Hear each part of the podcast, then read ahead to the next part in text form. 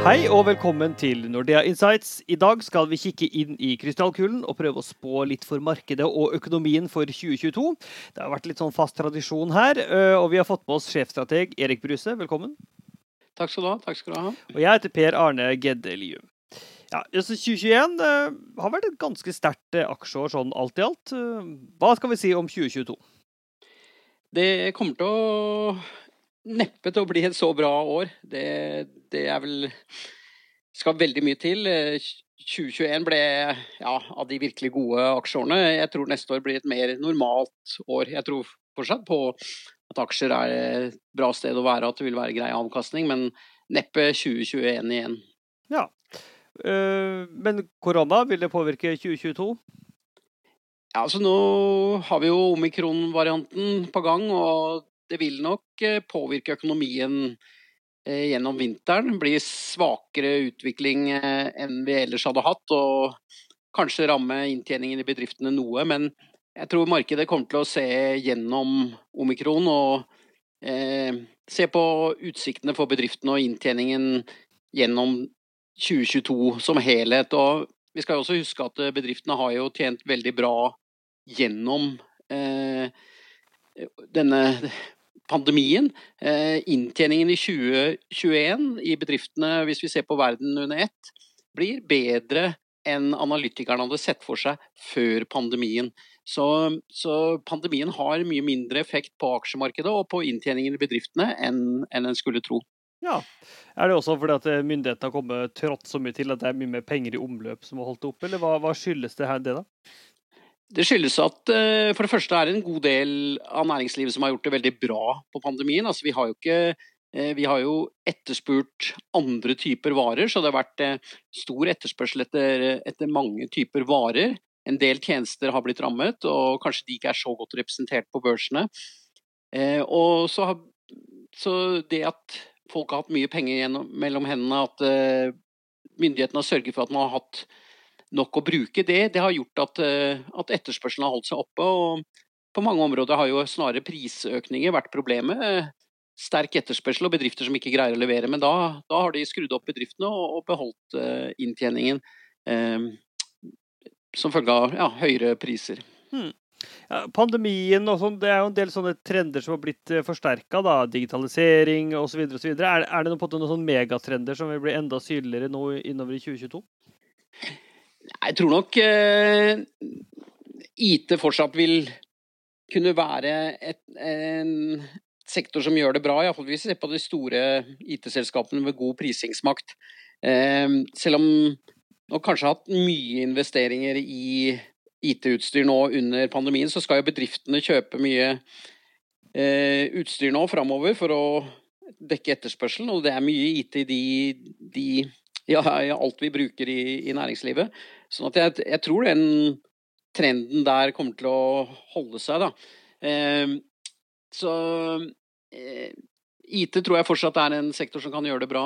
Eh, men ellers så tror jeg nok hovedideen her er at når ting normaliseres, så kommer vi til å vende mye tilbake til normale eh, mønstre. Eh, klart eh, sånn forretningsreiser kan det bli mindre av. Vi er blitt lært opp til å møtes på Teams når det er greit. Så, så noen endringer blir det, men, men, det er lett å overdrive liksom, effekten av dette på litt lengre sikt. Mm. Hva, hva, er de største utfordringene potensielt for markedet i 2022?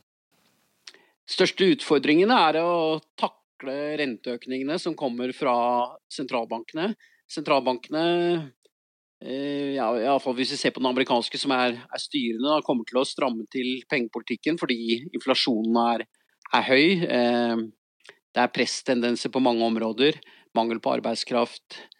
Eh, ubalanser i forsyningskjedene. Sånn at eh, vi får renteøkninger, og det er normalt en utfordring for, for uh, aksjemarkedet. Men vi skal huske at uh, mange av de prisøkningene vi ser nå, er av midlertidig karakter. Så sentralbankene får ikke panikk, de, de, går gradvis fram.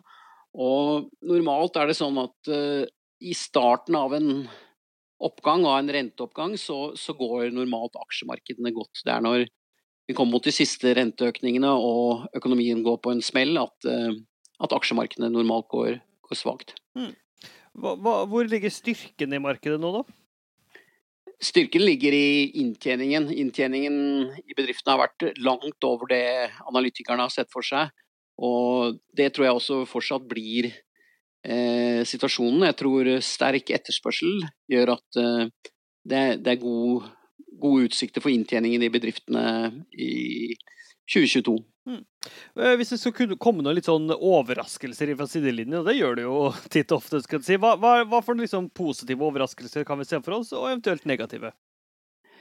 Positive overraskelser er vel eh, hvis vi får eh, Ja, hvis nå pandemien mister grepet, og vi får en, en sterk vekst i økonomien uten at det blir store inflasjonsproblemer. Eh, Altså at ikke lønnsveksten blir for høy. Det er bra med litt høyere lønnsvekst, da får forbrukerne bra med inntektene, men blir den for høy, så blir det et inflasjonsproblem for sentralbankene.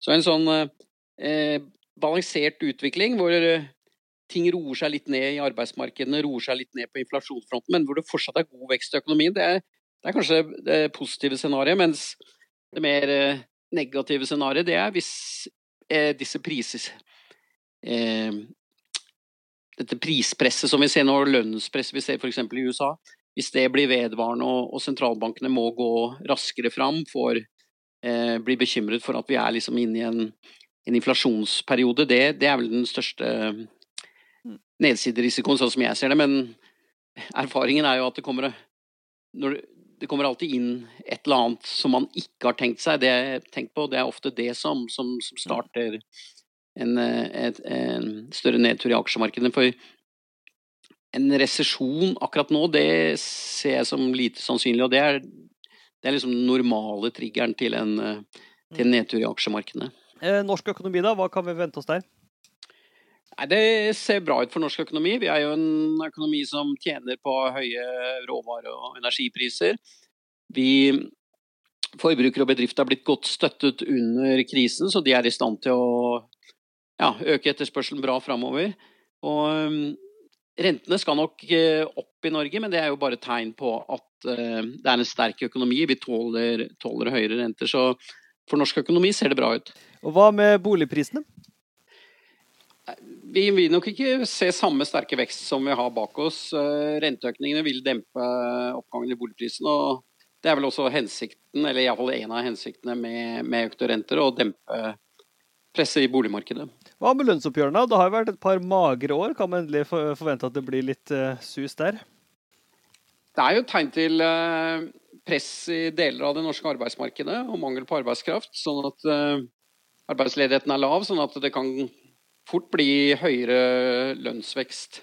Det kan også være sånn at høye strømpriser nå gjør at arbeidstakerne vil kreve høyere lønnsvekst for å kompensere for det. Mm.